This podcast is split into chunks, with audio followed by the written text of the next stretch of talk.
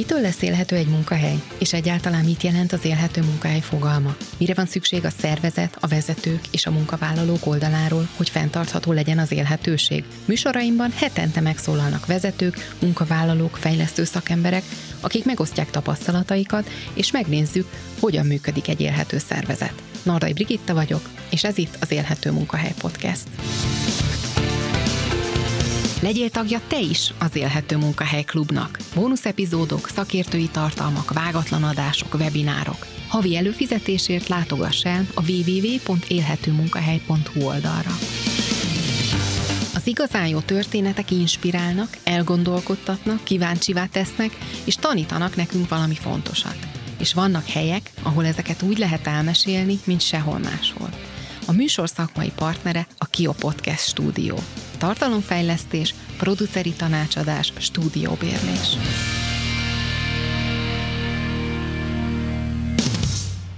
Köszöntelek, kedves hallgatói, Nardai Brigitta vagyok, és ez itt az Élhető Munkahely Podcast soron következő adása. Mai vendégem Martin Gyöngyvér. És mit is kell tudni Gyöngyvérről? Lassan három évtizede dolgozik üzleti területen, mint HR felsővezető, felügyelőbizottsági tag és HR mentor. Pszichológiai és gazdasági diplomával a kezében vált HR vezetővé, sok ismert helyi és multinacionális nagyvállalat piaci növekedését és átalakulását vezette, illetve támogatta nem csak Magyarországon, hanem Közép- és Dél-Kelet-Európa több országában is. 2018-ban HR Lead néven alapította meg magánvállalkozását, azóta stratégiai, üzleti HR tanácsadással, interim HR menedzsmenttel foglalkozik. HR mentorként célja a szakmai HR vezetők, transformációjának előmozdítása, vagyis üzleti szemléletük és vezetői készségeik formálása segítségével inspirálja őket üzleti vezetővé válásuk útján. Ez az erős elkötelezettség ösztönözte őt a HR üzleti vezető program létrehozásában is. Bloggerként rendszeresen ír és posztol üzleti indítatású HR cikkeket a Magyarországi HR portálon és a LinkedIn-en, illetve webinárokat és előadásokat tart. Elgondolkodtatni és inspirálni ez a két legfontosabb célja. Köszöntelek Gyöngyvér a műsorban, köszönöm, hogy elfogadtad a meghívásomat. Először is szeretettel köszöntöm a kedves hallgatókat, és persze téged is, Brigitta, és nagyon köszönöm a megtisztelő meghívást. Nekem mindig nagyon megtisztelő, amikor egy ilyen óriási szakmai tapasztalattal rendelkező vendégem lehet, úgyhogy kíváncsian várom a beszélgetésünket, mert számos olyan izgalmas dolog van már így a bemutatkozóban, ami úgy gondolom, hogy már izgalmasá is teszi a beszélgetést. Kezdjük is onnan, hogy milyen pályaivet futottál be HR vezetőként? Hát, hogyha egyetlen egy szóval kellene megfogalmaznom a választ, akkor azt mondanám, hogy kalandosat. Az egész úgy kezdődött, hogy tulajdonképpen én zenei pályára készültem. A legutolsó pillanatban, akkor voltam 18 éves, meggondoltam magam, és az osztályfőnökömnek a javaslatára pszichológiát tanultam a Debreceni Egyetemen. Aztán, amikor végeztem, négy évig személyzeti tanácsadóként dolgoztam, és 27 éves voltam, amikor HR vezetőként elhelyezkedtem, és onnantól kezdve gyakorlatilag 2018 közepéig HR vezetőként, igazgatóként, regionális igazgatóként dolgoztam. Magyarországon, illetve főleg a közép-kelet-európai térségben, de dolgoztam Németországban, Franciaországban, illetve Svájcban is. Én 2004-ben családi okok miatt elkerültem külföldre. Hát el tudod képzelni, hogy az addig felépített egzisztenciámat újra kellett építeni a semmiből egy teljesen idegen országba.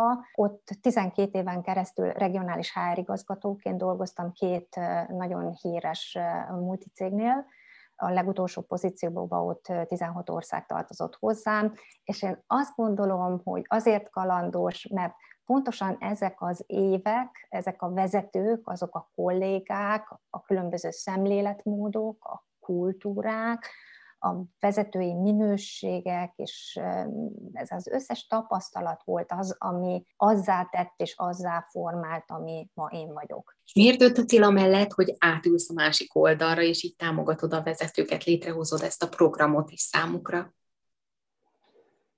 2017-et írunk, és akkor jött el az életembe az a pont, amikor tényleg nagyon őszintén feltettem magamnak azt a kérdést, hogy valóban jól érzem-e magam a jelenlegi munkahelyemen.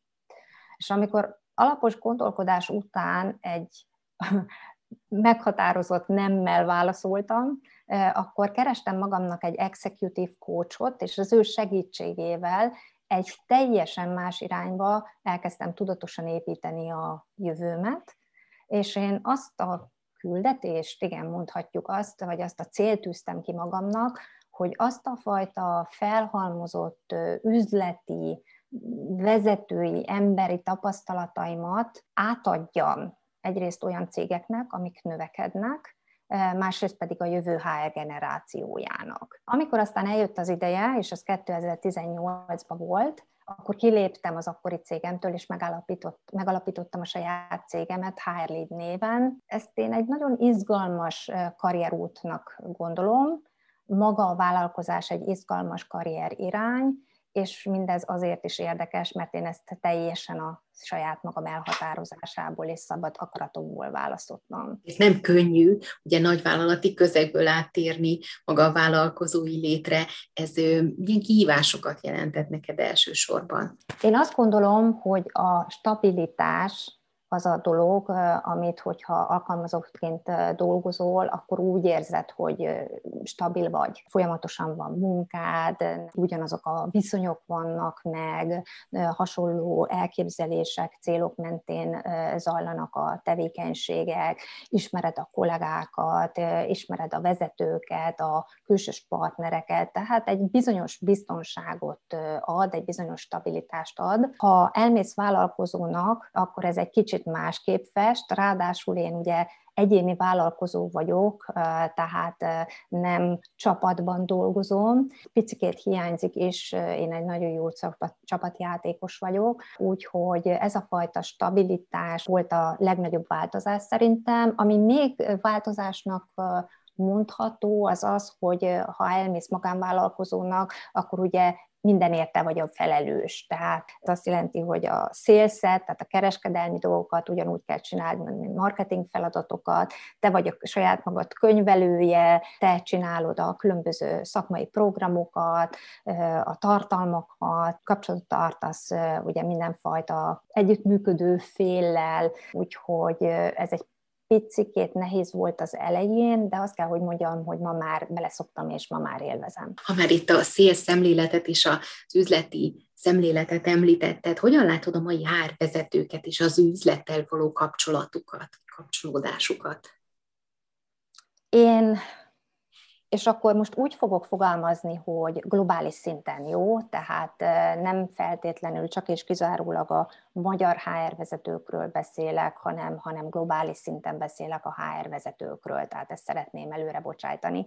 Én a mai HR vezetők többségét szakmai vezetőnek látom.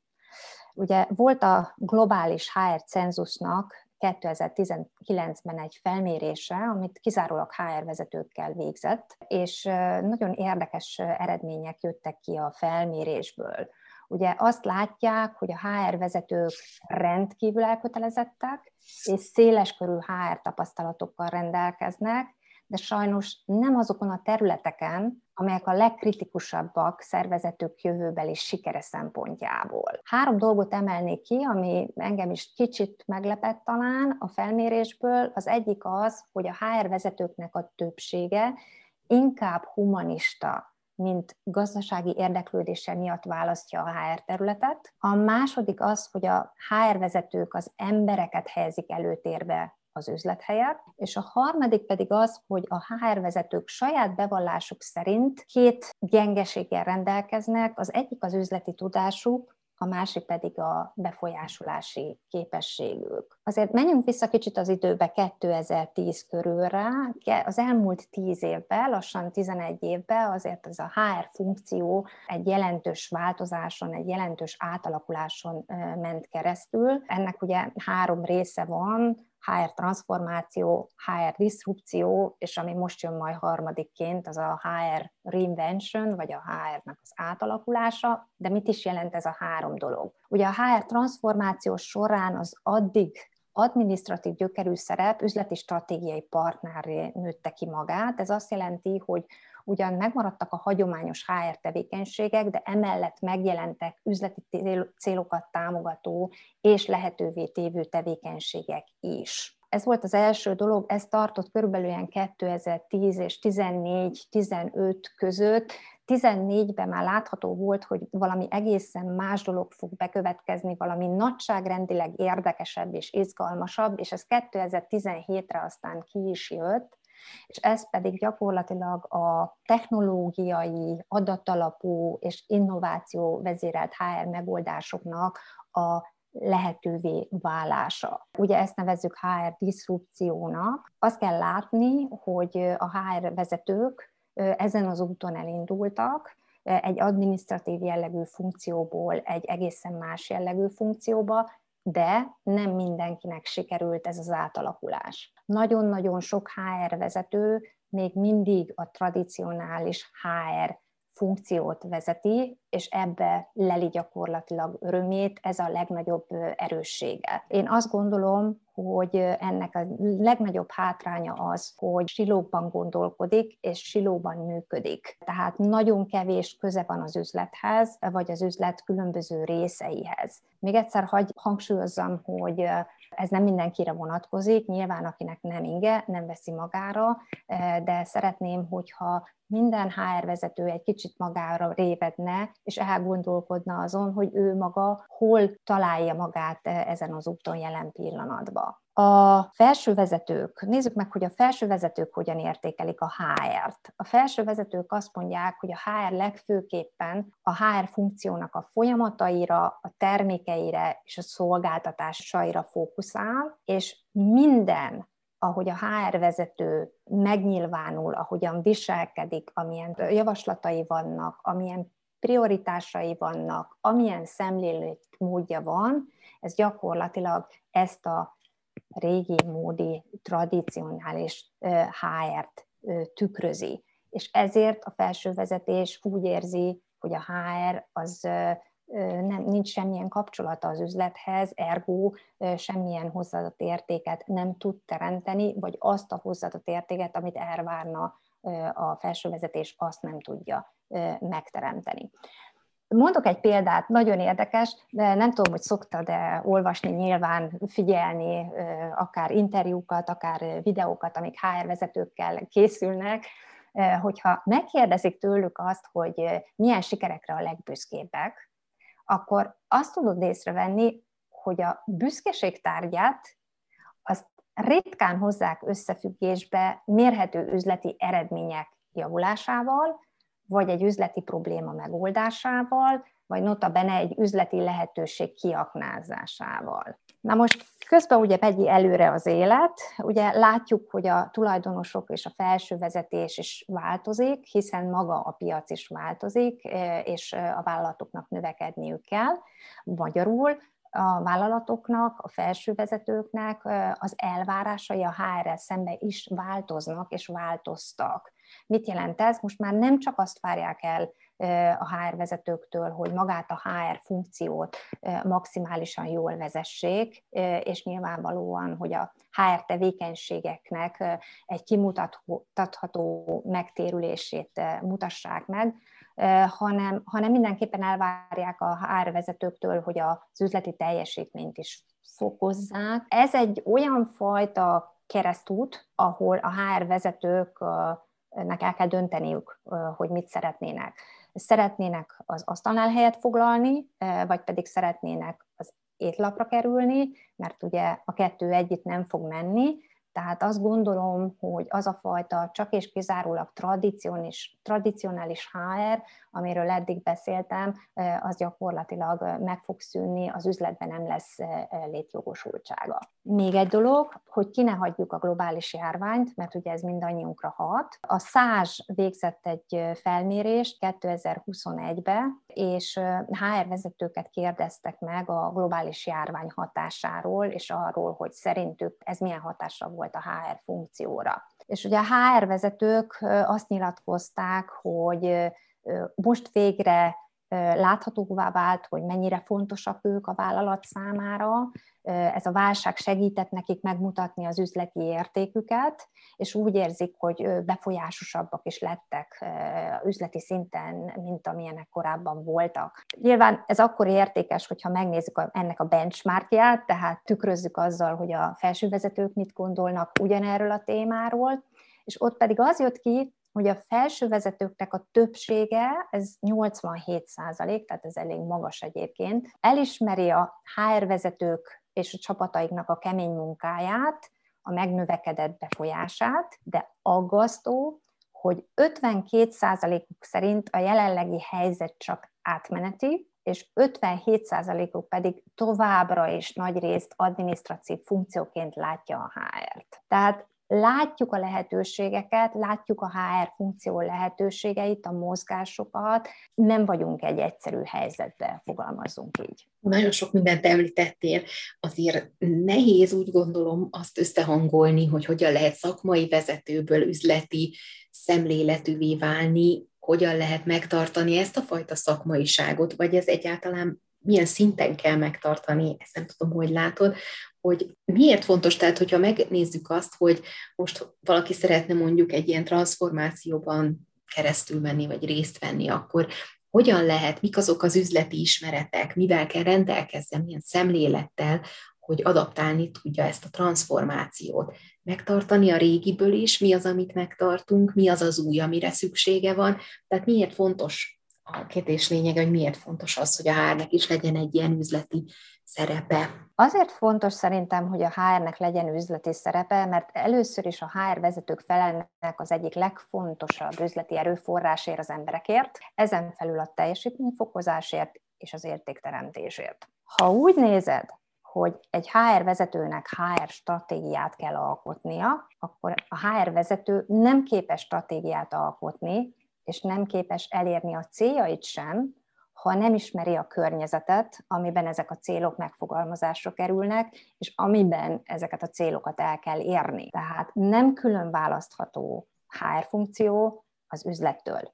Soha nem is volt az, és azt gondolom, hogy ennek a jelentősége még csak egyre inkább nőni fog a jövőben. Egyébként ugye itt említettük a HR új generáció. Ezzel kapcsolatban volt is korábban még egy cikkem, és én mindig azt szoktam mondani, hogy a HR vezetőknek nem csak az emberek iránt kell érdeklődést mutatniuk, de ez fontos egyébként, tehát én ezt nem, nem vitatom, és azt gondolom, hogy az emberközpontúság az egyik legnagyobb feladatunk ebben a pozícióban, de amellett szerintem egy HR vezetőnek igenis nagyon tájékozottnak kell lennie a mai világban, érdekel, érdeklődnie kell a gazdaság iránt, a politikai iránt, a technológia iránt, és azért az üzletet az teljes összefüggésében kell értenie és ismernie. Mit kell tenni a HR vezetőnek ahhoz, hogy értéket teremtsenek, és a teljesítményt tudják fokozni, mert itt említettél értékeket, milyen értékekről beszélünk pontosan, és hogy hogyan tudnak ők hozzájárulni ahhoz, hogy az üzleti eredmények is megjelenjenek. Az értékteremtést mondtam, illetve a teljesítménynövelést. Az értékteremtéssel kapcsolatban általában három kérdést kell tudni megérteni és jól megválaszolni egy HR vezetőnek.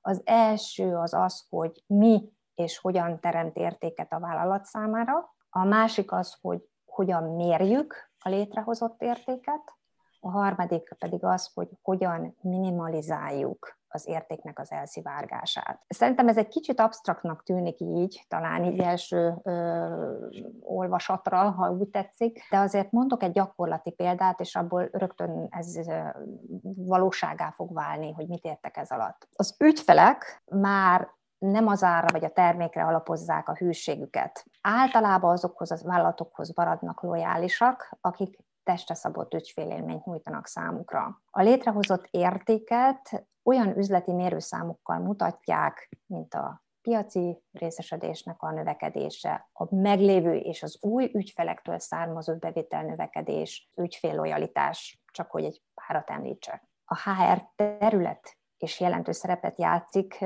a kiváló ügyfél élménynek a kialakításában, hiszen maguk a munkavállalók adnak életet az ügyfélélménynek ők a ők a márkának a képviselői, a, a ambasszádorjai gyakorlatilag. A HR terület például úgy tudja minimalizálni az értéknek az elszivárgását, hogy például erősíti az ügyfélcentrikus vállalati kultúrát, vagy fokozza az üzleti területek közötti keresztfunkciós együttműködést, vagy elősegíti a szükséges kompetenciák, készségek fejlesztését, vagy és, tehát ezeknek a különböző kombinációja a munkáért megfelelő anyagi kompenzálást nyújt. Tehát én azt gondolom, hogy ez is jól mutatja, mi az érték, hogyan kell vigyázni, hogy az érték ne szivárogjon el, és hogyha úgy nézed, akkor az üzleti eredmények végső soron, mivel embereken keresztül érjük el őket, a HR terület sikerességét is jelzik. Aztán, ha tovább megyünk, ugye a teljesítmény növeléssel kapcsolatban, ott szintén talán hármat említenék meg, ami tényleg nagyon jól érthető, hogyan tud egy HR vezető teljesítmény növelést elérni a vállalaton belül. Az egyik, az talán egy ilyen fájó pont is egyébként a HR-eseknek úgy általában, a részvétel a stratégiai tervezésben. Miért mondom ezt? Azért, mert nagyon sokszor a hr nem vonják be a stratégiai tervezésbe, és amikor már kész az üzleti stratégia, akkor állítják a HR-t két tények elé, hogy jó, hát akkor most valósítsd meg. Tehát azt gondolom, hogy ami az egyik legfontosabb lenne a teljesítmény növekedés szempontjából a HR részére, hogy az alapoktól kezdve részt tudjanak venni a stratégiai tervezésben. A másik teljesítmény növelést elősegítő pont az az, hogy a HR teljesítménymutatók azok a vállalati célokkal összhangba kerüljenek. Tehát azt mérjük, ami tényleg fontos és akkor mérjük, amikor az tényleg fontos. A harmadik pedig azt mondanám, hogy az üzleti eredményeknek a rendszeres, proaktív áttekintésébe való részvétel az, ami sokat segíthet a HR vezetőnek a teljesítménynövelésbe. Miért is? Azért, mert amikor vannak ezek az üzleti egyeztetések, akkor ugye beszélgetnek a piaci mozgásokról, a piacon látható irányváltozásokról, pénzügyi dolgokról, ezeknek mind emberi tőkére gyakorolt hatásáról, és azt látom, hogy egy HR vezetőnek ezeket meg kell érteni, ezekhez rugalmasan tudni kell alkalmazkodni, vagy már előre előrevetíteni, és valahogy még mielőtt probléma lenne megoldani a dolgot. Tehát ez a három dolog az, ami a teljesítmény növekedés, teljesítmény növelés szempontjából egy HR vezetőnek fontos feladata tud lenni. Egy picit talán körvonalazódik már egy teljesen új kompetencia profil is, össze tudjuk szedni azokat a kompetenciákat, szempontokat, hogy miért kell a HR szakmai vezetőnek HR üzleti vezetővé válnia, és hogyan tudjuk mindezt a HR üzleti vezetőt, vagy üzleti HR vezetőt profilozni, milyen kompetenciákat tennénk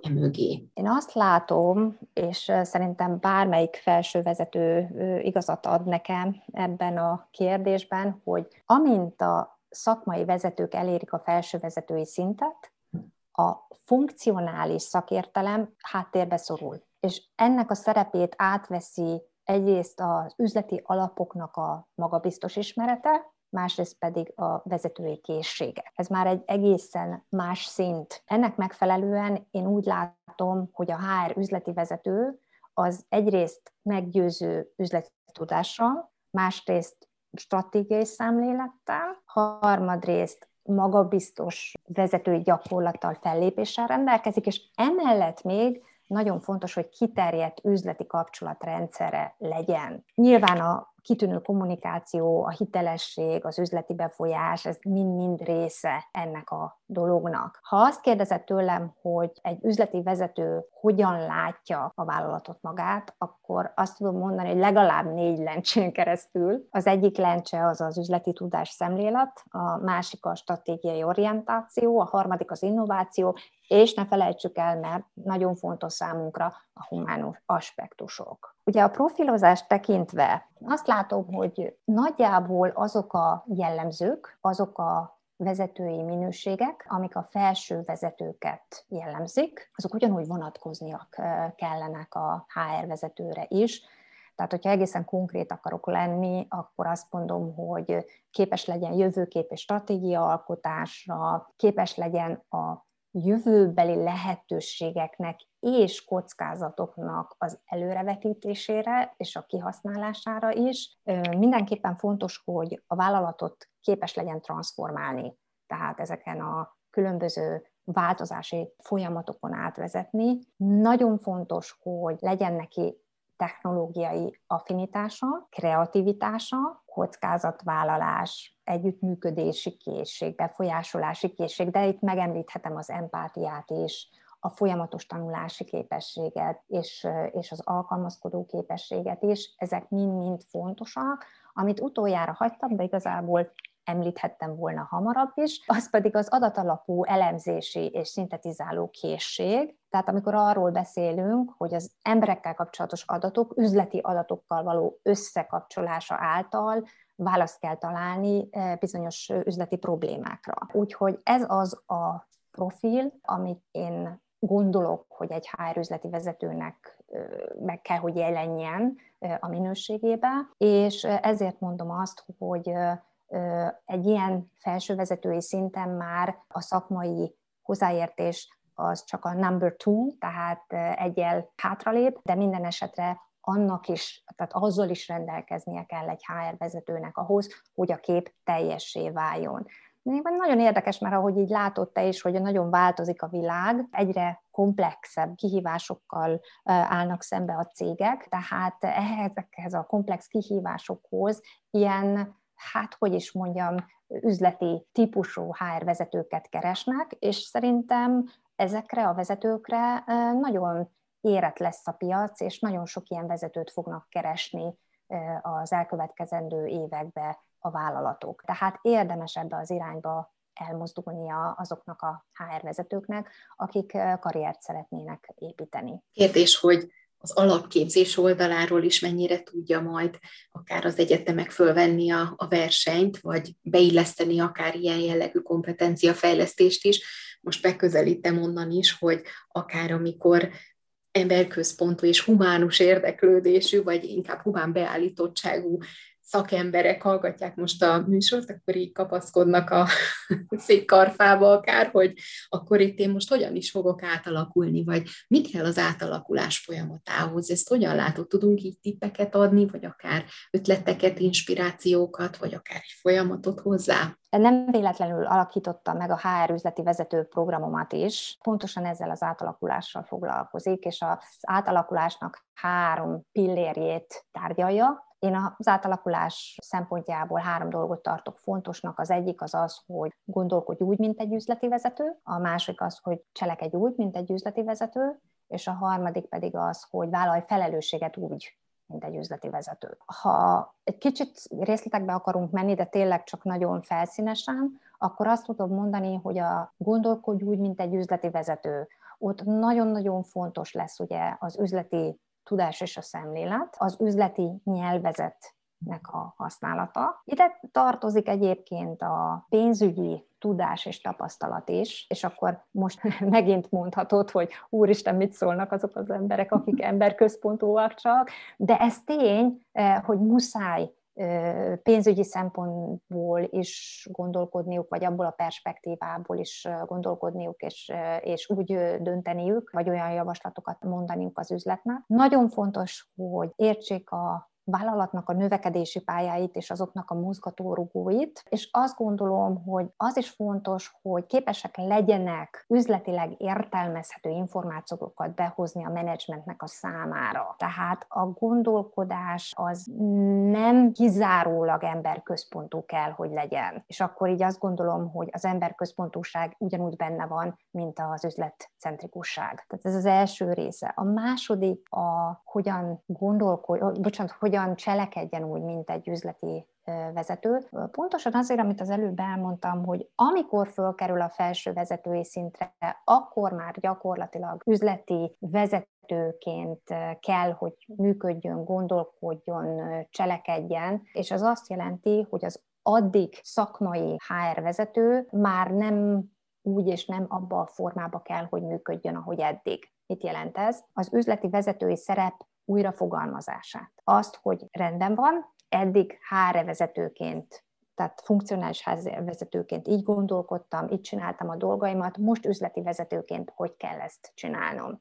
Én ilyenkor egyébként mindig azt szoktam mondani, hogy légy szíves, üljetek le a vezetőtökkel, tehát ez általában a CEO, ügyvezetőigazgató, vezérigazgató, mindegy, hogy minek nevezem. Beszéltek végig velük, hogy ebbe a menedzsmentben mit jelent üzleti vezetőnek lenni. Mik azok a jellemzők, mik azok a készségek, mik azok a képességek, amik ebbe a menedzsmentben elvárásként vannak jelen, amiknek adott esetben az új HR üzleti vezetőnek is meg kell jelenniük. Ide tartoznak az átalakulást hátráltató akadályoknak a felismerése, és azoknak a beazonosítása, illetve megszüntetése, és ide tartoznak a vezetői készségeknek a fejlesztése is. Egyébként nagyon érdekes, mert jó, hát nem a HR funkció és nem a HR vezetők az egyetlenek ilyen szempontból, de nagyon sokszor előfordul az, hogy embereket operatív szerepből felsővezetői szerepbe neveznek ki, anélkül, hogy bármilyen vezetői készségtréningen részt vettek volna, vagy, vagy bármilyen vezetői készséget célzó coaching, mentoring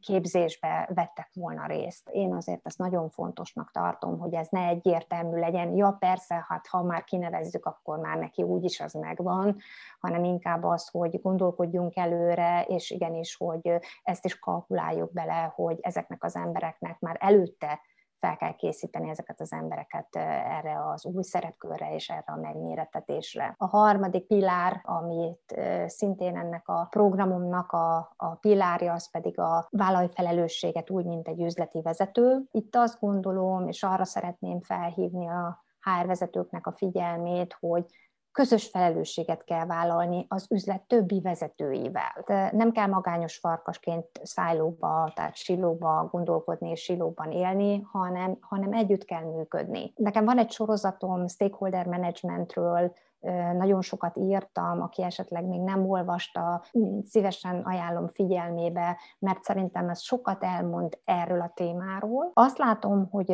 a HR vezetőknek, amikor felelősséget vállalnak, az leginkább abban jön ki, hogy bármilyen kezdeményezés, legyen az egy rendszernek a megvétele, valaminek az átalakítása, egy új folyamat bevezetése, még mielőtt belekezdenének, és még mielőtt arra időt, energiát és pénzt szánnának, kérdezzék meg maguktól, hogy miért csináljuk ezt, ez hogy fog hozzáadott értéket teremteni az üzlet számára ez hogyan fog hozzájárulni a pénzügyi eredményekhez, ezt hogy fogjuk mérni. Én azt gondolom, hogy ezek mind a felelősség témakörébe tartoznak, és még egy dolog, a pénzügyi és a befektetési szemléletmód ezen a szinten nagyon-nagyon fontos lesz. Ha addig még nem, akkor azután ezen a szinten mindenféleképpen el kell sajátítani egy HR üzleti vezetőnek. Két dolog is eszembe jutott. Az egyik az, hogy ez feltételez azért a felső vezetés többi tagjától is ugye egy olyan fajta támogatást, hogyha esetleg szeretnék a HR-t felnöveszteni ehhez a, a stratégiai és üzleti gondolkodásmódhoz, hogy részükről is egyfajta támogatásra mindenképpen szükség van, illetve felfigyelni arra akár egy CEO-nak is, hogy ezeket a fejlesztési pontokat, tehát hogy mikor érik meg akár a HR-re, vagy a HR vezető, a HR vezetés, és hogy ő mit vár el pontosan. Tehát, hogy ez azért egy ilyen több oldalú kérdéskör az én olvasatomban, meg ahogy így elmondod. Igen, ezt teljesen jól látod, és én is egyetértek ezzel. Általában szokták mondani, hogy minden kapcsolat két emberem múlik. Ostorozhatjuk mi itt a HR vezetőket reggeltől estig, és elmondhatjuk nekik, hogy ő nekik hogyan kellene gondolkodniuk, cselekedniük, felelősséget vállalniuk, viselkedniük, stb. stb. De hogyha erre nincs fogadó készség a felső vezetés részéről, nincs érdeklődés, akkor nyilvánvalóan én mindig utána szeretek menni, hogy ennek mi az oka. Miért nem? Miért nincs? Általában az szokott lenni, hogy a felső vezetésnek nincs elegendő tudása vagy tapasztalata a HR funkcióval kapcsolatban csak annyi, hogy ők adminisztrálnak és operatív tevékenységeket végeznek. Azért a HR ma már ennél jóval-jóval több, és egy HR vezetőnek képesnek kell lennie ezt a többet megismertetnie, elmagyaráztatnia, elfogadtatnia a vezetőkkel. Ez nem egy egyszerű folyamat, ide rendkívül sok türelemre és időre van szükség, és főleg arra, hogy kéz a kézben dolgozzanak egymással, és a HR vezető mindig mutassa és mondja el, hogy itt például ebben az esetben én hogyan tudok számodra értéket teremteni, vagy pedig teljesítményt növelni. Tehát én azt gondolom, hogy ez, ez nagyon-nagyon fontos dolog. A másik dolog az az, hogy a HR vezetőknek meg meg kell tanulniuk, hogy mondjam, a komfortzónájukat elhagyni, képezni magukat, kíváncsinak lenni, érdeklődni, nem szégyen kérdezni, sőt, nagyon hasznos, és én azért nagyon sok hárvezetővel beszélek, illetve interjúkat, videókat olvasok, látok, és ezek mind-mind hárvezetők mondják, igen, igen, én nem szégyellek oda menni, megkérdezni, ez hogy van, magyarázzátok el, mert nem értem, de szeretném megérteni. Tehát abban a pillanatban, amikor mind a két fél nyit, és ennek valami fajta jelet ad, és nyilvánvalóvá válik egymás számára, hogy akkor itt megvan a nyitottság a fejlődésre, akkor ebből el tud indulni egy folyamat, ahol gyakorlatilag egy, egy harmonikus együttműködés lesz a vége, aminek a kapcsán ugye az üzlet megfelelőképpen lesz támogatva a HR által, és a HR is megfelelőképpen lesz támogatva a felső vezetés által. Aztán persze vannak olyan cégek, és azért ezt sem szabad elhallgatni, ahol lehet, hogy próbálkozik a HR vezető, de nem jut ötről a hatra. Tehát egyszerűen nincs fogadóképesség, nincs nyitottság ebbe a témába. Én azt gondolom, hogy ha tényleg erősen próbálta, ha már tényleg mindent megpróbálta a HR vezető, és még ebben, a, tehát itt sincs semmilyen változás, őt megnyugtató változás, illetve az ő szakmai fejlődését, karrierjét elősegítő változás, akkor szerintem egyszerűen onnan fel kell állni és el kell jönni. Itt az elmúlt pár percben ugye beszélgettünk arról, hogy milyen lehet az ideális fejlődési irány a HR vezetők számára. Hogy látod, hogy van, aki azért már ezt űzi? Tehát, hogy hol tartanak a HR vezetők ebben az átalakulásban? Azért vannak jó példák így nyugtass meg minket, illetve bíztassuk azokat is, akik még csak most vannak ebben az átalakulásban. Abszolút. Tehát én nem is csinálnám ezt, amit csinálok, hogyha azt gondolnám, hogy itt nincs remény. Itt van remény.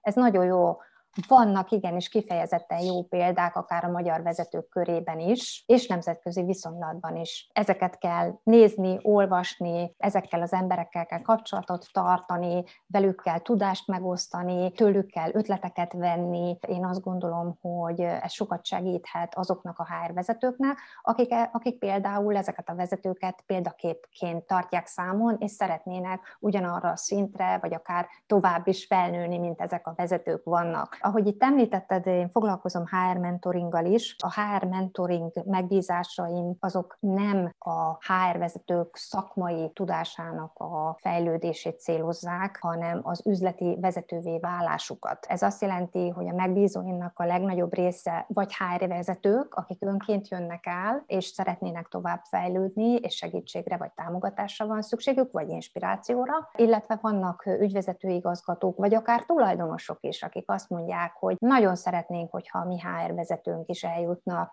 ilyen-olyan szintre. Ugye ezekbe a HR mentor folyamatokba vannak tipikusságok. Tehát most ha azt kérdeznéd, hogy mi, mi, mik azok a hiányosságok, amikkel küzdenek a jelenlegi HR vezetők, akkor általánosságban azt mondanám, hogy egyrészt az üzleti közelség és a stakeholder management, tehát a folyamatos együttműködés a vállalati vezetőkkel. A másik az, amikor nem látják ezt az értékteremtést, teljesítménynövelést, hol van az szerepük ebbe a folyamatba. Azt gondolom, hogy a stratégiai szemlélet, a stratégiai orientáció és nagyon sokszor a proaktivitás hiányzik. Ide hozzátenném azt is, hogy ahhoz, hogy egy funkcionális vezető üzleti vezetővé váljon, oda szükség van azért ambícióra. Mi táplálja azt az ambíciót? Vannak-e törekvések ezzel kapcsolatban, hogy ez a vezető elérkezzen egy magasabb szintre, és azt gondolom, hogy a hatékony kommunikáció és a befolyásolási készség is még a hiányosságok közé sorolható. Az átalakulásnak azért vannak hátráltató tényezői. Egyszer csináltam egy listát, amiben rengeteg tényező fel volt írva, ebből én most csak hármat fogok megemlíteni. Az egyik az mindenképpen ez az üzleti tudás és stratégiai szemlélet lenne. A másik a komfortzónának az elhagyása, tehát a, amit én látok, hogy a HR vezetők azt szeretik csinálni, amiben ők jók, és amiben ők sikeresek, és amit ők szeretnek. Tehát abban nagyon könnyű, idézőjelbe könnyű, mert semmi sem könnyű a mai világban, hamarabb érnek el sikereket, mint olyan témákba, amik mondjuk ezen kívül esnek. És a harmadik, ami viszont egy nyomós dolog, az az időhiány. Tehát, hogyha szeretnének is átalakulni, hogy ha meg is lenne az ambíció és a tanulási készség, akkor is ez a rengeteg operációs feladat, ami rájuk hárul, az, hogy projektek vannak, az, hogy határidők vannak, hogy jelentések vannak, és azért valljuk be őszintén, hogy a digitalizálás azért nem mindenhol van már azon a szinten, hogy ez kisegítse a HR vezetőket, tehát ez az időhiány, ez, ez, ez egy nagyon-nagyon nagy probléma és akadály tud lenni. De ahogy mondtad, azért vannak támogató tényezők is, és oda a következőket sorolnám, ha támogató az ügyvezető, ha támogatóak a felsővezetők, akkor az már fél siker. És azért lehet ilyen vállalatokat találni, ahol a, a vezetők igenis, hogy felkarolják idézőjelbe téve, és segítik és, és támogatják a átalakuláson keresztül menő HR vezetőt. A másik az az képzés az önképzés, hogy igenis legyen a HR vezetőknek annyi idejük, hogy egy könyvet elolvassanak, egy cikket elolvassanak, egy podcastot meghallgassanak, mint például ezt a mait. Tehát tegyenek meg mindent annak érdekében lépésről lépésre, hogy azért fejleszék magukat. Ide tartozik az is, hogyha lehetőségük van akár belső, tehát szervezeten belüli, vagy akár külső HR mentort keresni, illetve amit még én látok, amit nagyon szívesen csinálnak, az az, hogy a hasonló cipőben lévő hárvezetőket szeretik kis eszmecseréket folytatni, tehát nyilvánvalóan, akik pontosan ugyanabban az átalakulási folyamatban vannak, hol tartanak, mint tartanak, és az ezzel kapcsolatos különböző tapasztalatokat megosztani, tehát még ez az, ami, ami, ami sokat segíthet a számukra. Úgy gondolom, hogy most már így a cégen belüli dolgokról elég sokat beszéltünk, több oldalról is rávilágítottunk a HR-re, az üzleti vezetésre.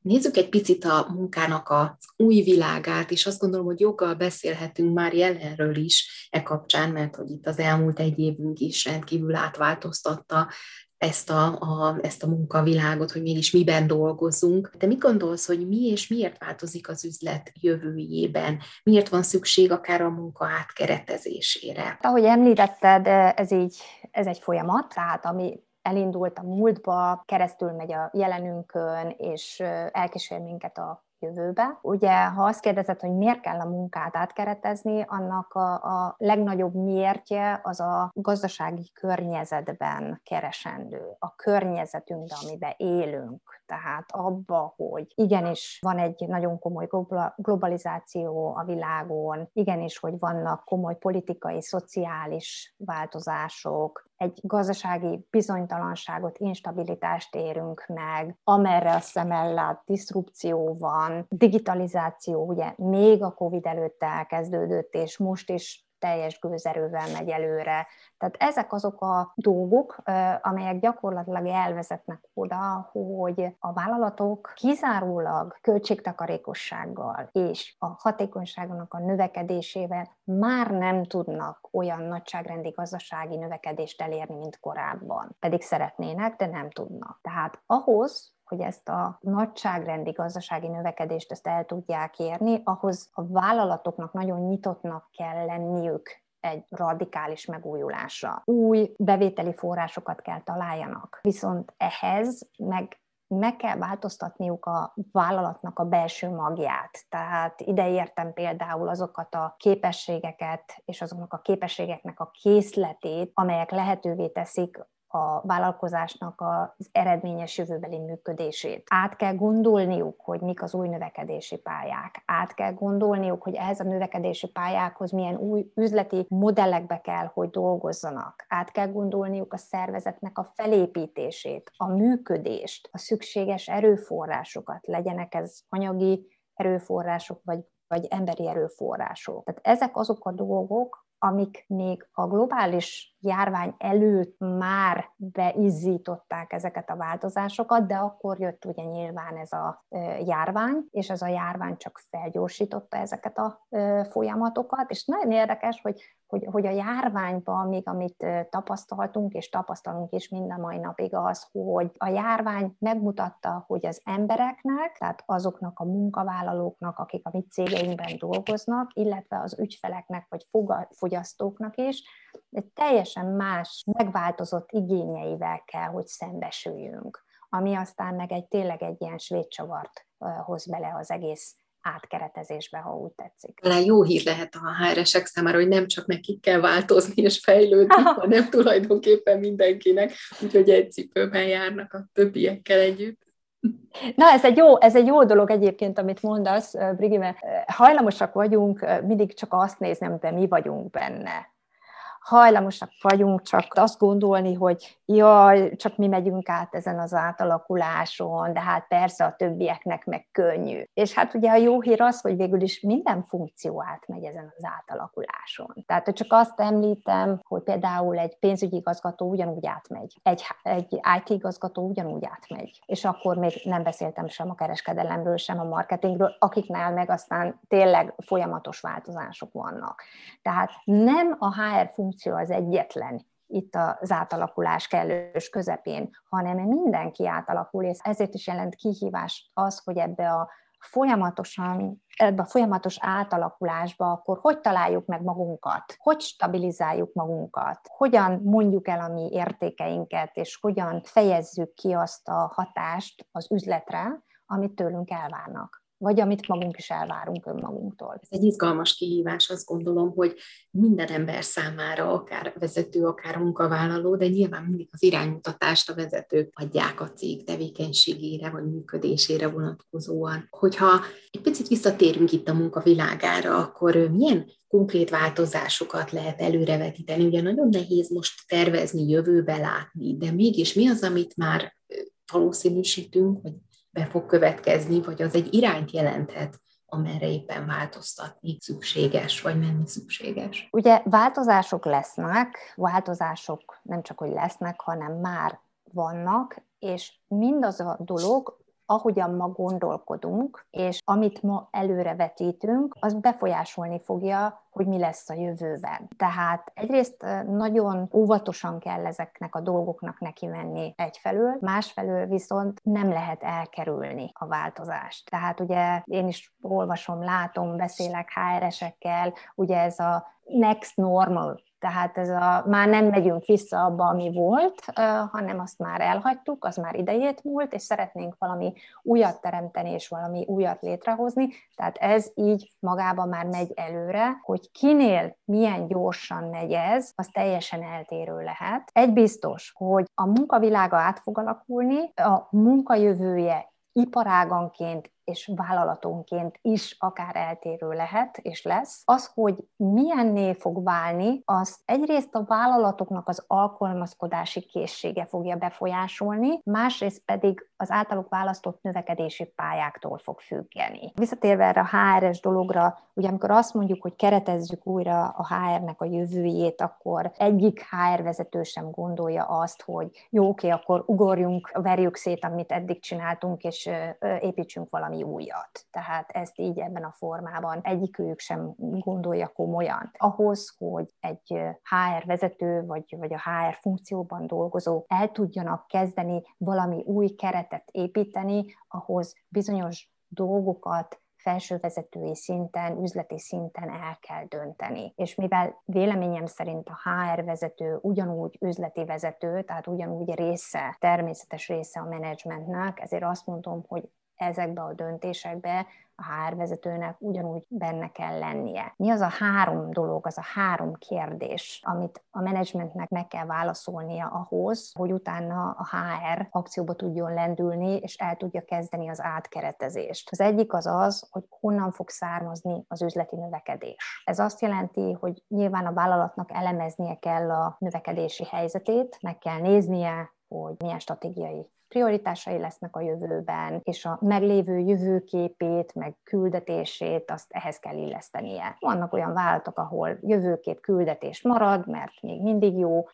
és jól tükrözi gyakorlatilag a vállalatnak a filozófiáját, a küldetését, a céljait, bármit. Van, ahol kicsit változtatni kell rajta. A második kérdés, amit a felső vezetőknek el kell dönteni, az az, hogy hogyan nőjön a vállalat most és holnap. De azt gondolom, hogy három olyan dolog van, amit általában szoktak idézőjelbe téve alkalmazni a vállalati vezetők. Az egyik az az, hogy befektethetnek, tehát megnézhetik, hogy mik azok az üzleti területek, ahol a megtérülésnek sokkal nagyobb az esélye, és adott esetben egy erőforrás átcsoportosítással a gyengén teljesítő területekről átteszik a jobb teljesítő, vagy jobban teljesítő, vagy a jövőben jobban teljesítő területekre az erőforrásokat az üzleti erőforrásokat. Növelhetik a teljesítményt, hát nyilván itt elsősorban a kereskedelemre gondolok, vagy pedig létrehozhatnak új termékeket, szolgáltatásokat, amik még eddig nem voltak a vállalatnak a portfóliójába, viszont olyan ügyfél vagy, vagy fogyasztói igényeket elégítenek ki, amiket eddig ők nem csináltak, vagy egyáltalán még nem is létezik a piacon. A harmadik dolog, amit a menedzsmentnek el kell döntenie, hogy hogyan optimizálja a növekedési motorját. És ez tulajdonképpen arról szól, hogy illeszteni kell a növekedési pályához az üzleti működést, az üzleti modellt, a szervezeti felépítést, az üzleti erőforrásokat. És itt megint megjelenik nyilván a HR vezetőnek a szerepe, mert egészen kristálytisztán kell látniuk a szervezetet a ma, a mai formájában, milyen a mai felkészültsége a szervezetnek, milyen a szervezet fejlődési potenciája, illetve azt, hogy a jövőbeni növekedésnek milyen feltételei vannak, és az, hogy ezekhez milyen szükséges fejlesztéseket kell elvégezni. Úgyhogy ha ezt így most összenézem, akkor amikor ezekre a kérdésekre a felső vezetés választ tud adni, és amilyen választ tud adni erre, abba az irányba kell majd a HR-nek elindulnia, és az lesz majd a munkának az átkeretezése. Egyébként a HR nem egyedül végzi nyilván a munka átkeretezését, na, átkeretezését.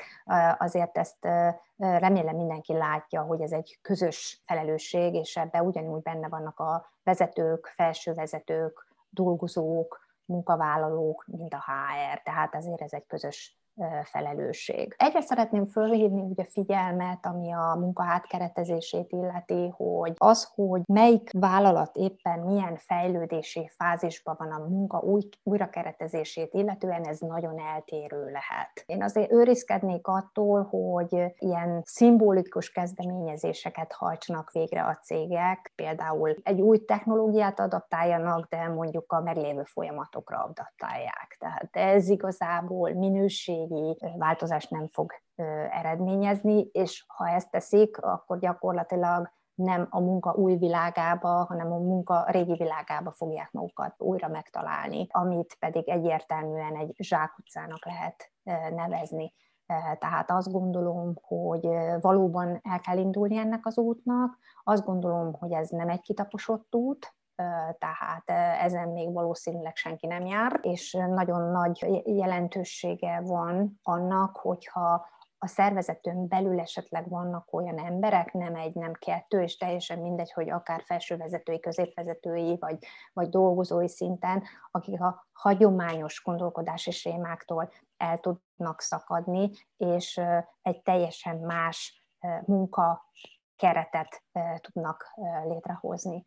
Én azt gondolom, hogy ez lesz a munka jövője. Valószínűleg a, azok a vezetők is hát teljesen egyértelmű, mindig ugye a növekedés van fókuszban, de hogy átmenetileg a nem növekedés az létrejöhet, vagy szerinted az egy cég életében azért itt olyan mértékű transformációról beszélünk most is, nem csak a HR oldaláról, hanem a teljes cég oldaláról, és ugye nem emelünk ki itt most külön példákat, csak így elméletileg ezt a átalakulást nézzük meg.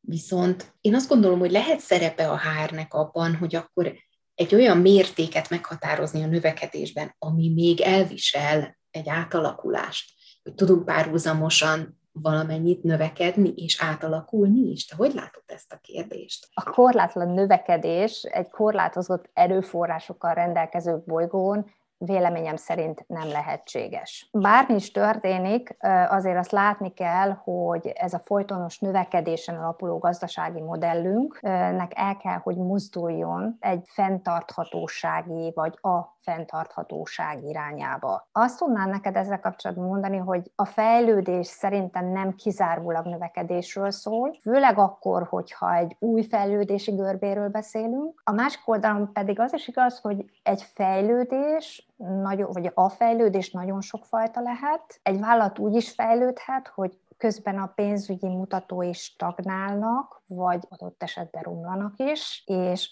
minőség és mennyiségi fejlődés is lehetséges, akár egymás kárára is. Már itt a változást említetted, illetve ezt a fajta új jövőképet, akkor ez hogyan hat a HR-nek a jövőjére, átminősül szerinted a, a HR-nek a területe? Mert azért itt, ha kiegészül funkciókkal, akkor már ugye nem a klasszikus HR-ről fogunk beszélni, hanem egy nagyon más, új területről.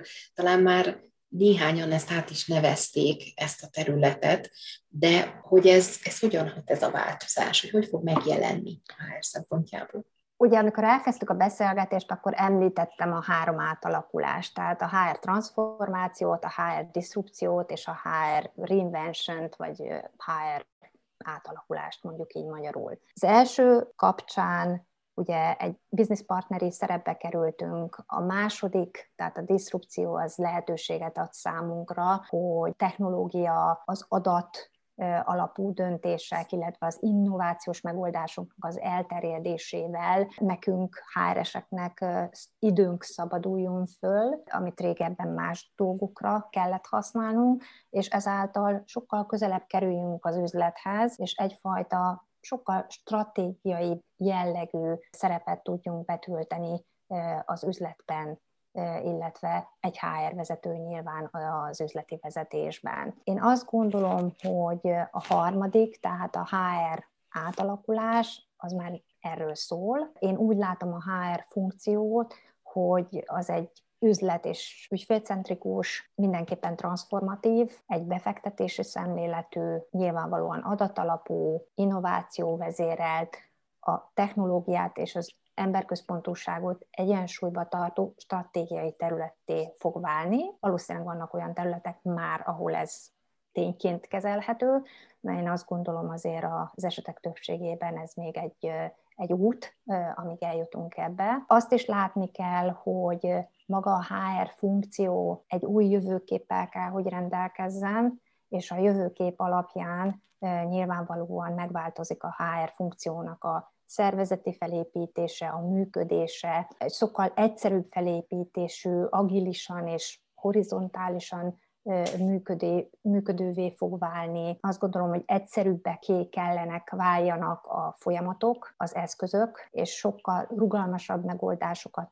kell ajánlaniuk az üzletnek és az embereknek is, és ráadásul ezeket testre kell szabniuk. Ugye itt megjelennek az önkiszolgáló folyamatok. Úgy látom, és egyetéltek az egyik HR vezetővel, aki azt mondta a minap, hogy inkább keretrendszerekbe sem, mint abszolút szabályok között fogunk dolgozni. Az is igaz, hogy megváltozik a HR területnek a készségkészlete. Előtérbe kerülnek olyan készségek, mint például a projektmenedzsment készség, a technológiai affinitás, az elemzési, szintetizálási készség, a komplex probléma megoldás, de ide említeném a kommunikációs készséget is, és ami nagyon fontos, mert eddig nem volt, a kreativitás. Tehát azért a kreativitásunkat nem tudtuk úgy használni korábban, és itt viszont szükség lesz majd rá. Nagyon fontos kiemelni, ugye, hogy itt a beszélgetésben az üzleti funkció, az üzleti szerep az mennyire hangsúlyos a HR-nek, de azért én nem tudok elmenni amellett, hogy, és akkor itt már rátérnek egy picit az élhetőségre, hogy az én olvasatomban ez egy picit feszítettebb, feszítettebb tempójú, egy tényleg nagyon nagy nyomás alatt lévő átalakulási folyamat, legalábbis ahogyan én ezt elképzelem, de száfod meg nyugodtan, hogyha erre ezt azért lehet könnyebben is, hogy hol marad ebben, vagy hol tudja kiegészíteni az élhetőség oldaláról a, ez a fajta szemlélet, hogy mégis azért figyelembe tudjuk venni akár a jelen helyzetben itt a pandémiában a kiégéses állapotot, vagy, vagy hogyan ne égjünk ki ebben a túlfeszített, túlhajtolt, túlhajszolt állapotban, hogy tudjuk az élhetőséget behozni szerinted? Számomra az élhető munkahely annak a mindennapokban való tettenérése, hogy az emberközpontúság az nem csak egy vállalati szlogen. Minden olyan vállalati választás, döntés,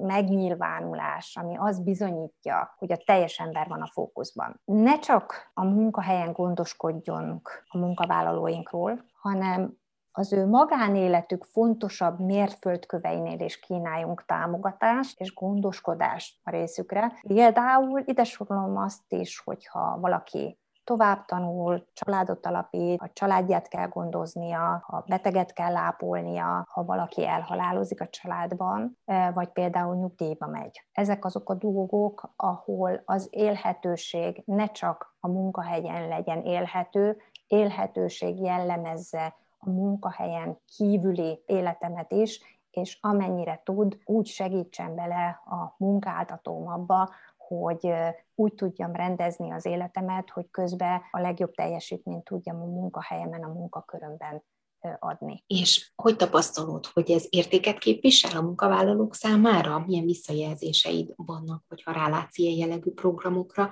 és vezetőként mit lehet tenni az élhetőségért, vagy az emberközpontúságért a mindennapokban? Én úgy látom egyébként, hogy a élhető munkahelyek az egyértelműen fokozzák a vállalatnak a piaci versenyképességét, mert ha például két azonos állásajánlata van egy pályázónak, akkor valószínűleg az lesz számára vonzóbb, ahol az élhetőséget a munkahelyen kívül is meg tudja élni, tehát a munkahelyen kívül is meg tud valósulni az élhetőség. Ezek azok a példák, amiket az előbb elmondtam. Fontosnak tartom, hogy az embereknek az igényeit testre szabottan elégítsék ki, azért itt látok elég sok törekvést a magyar piacon is ezzel kapcsolatban. Ami viszont vezetőként az én, vagy akár a vezető, tehát vezetőtársaimnak a, a felelőssége lehet az élhetőségért a mindennapokban, az valószínűleg az, hogy olyan fenntartható vállalatot kell építenünk, ami a hosszú távú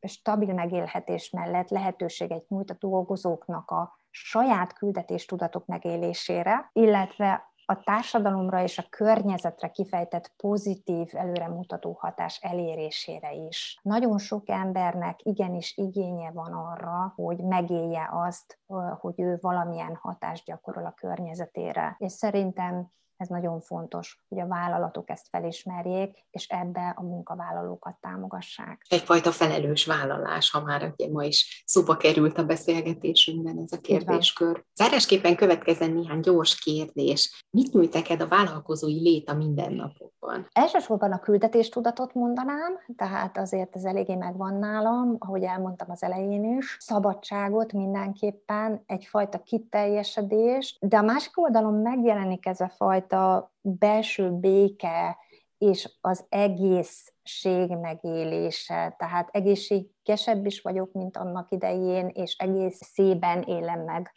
az életet is, egészségébe élem meg az életet is. Mennyi időt töltesz önismerettel, önreflexióval? Túlzás nélkül tudom mondani, hogy minden nap.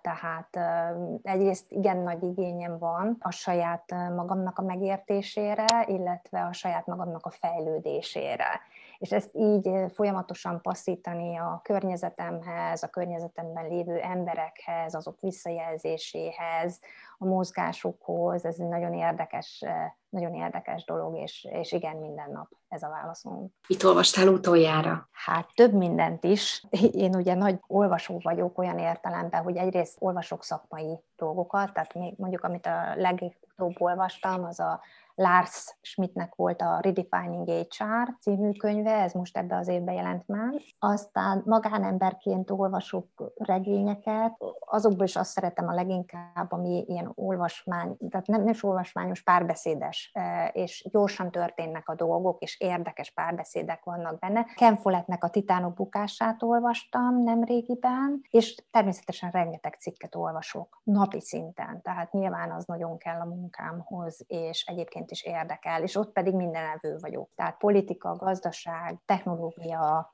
HR természetesen, tehát minden, minden jöhet. Van példaképed? Hm, van. Hm.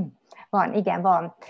És azt gondolom, hogy talán ez a munkámból is adódik. Én példaképennek tartok minden olyan HR vezetőt, aki egyrészt képes a normákkal szembeszállni, másrészt képes megkérdőjelezni a berögzött szervezeti rutinokat, képes a funkciója korlátain túlmenően valami egészen újat, valami egészen jövőben mutatót létrehozni. Ezek azok a HR vezetők, akikre teljes mértékben felnézek, és akikről folyamatosan én is tanulok. Kezdő HR-esnek, aki most kerül ki a HR szakmába, akkor itt tanácsolnám, mi lenne az az egy dolog, amit mindenképpen tegyen meg? Amit én javasol, javasolok, az mindenképpen egy jó mentor, és akkor ugye minden szentnek maga felé hajlik a keze. Én azt gondolom, hogy olyan valakit akár a vállalaton belül, tehát egy belső mentort, akár a vállalaton kívül, mint például én is egy HR mentor vagyok, nagyon sok segítséget tud nyújtani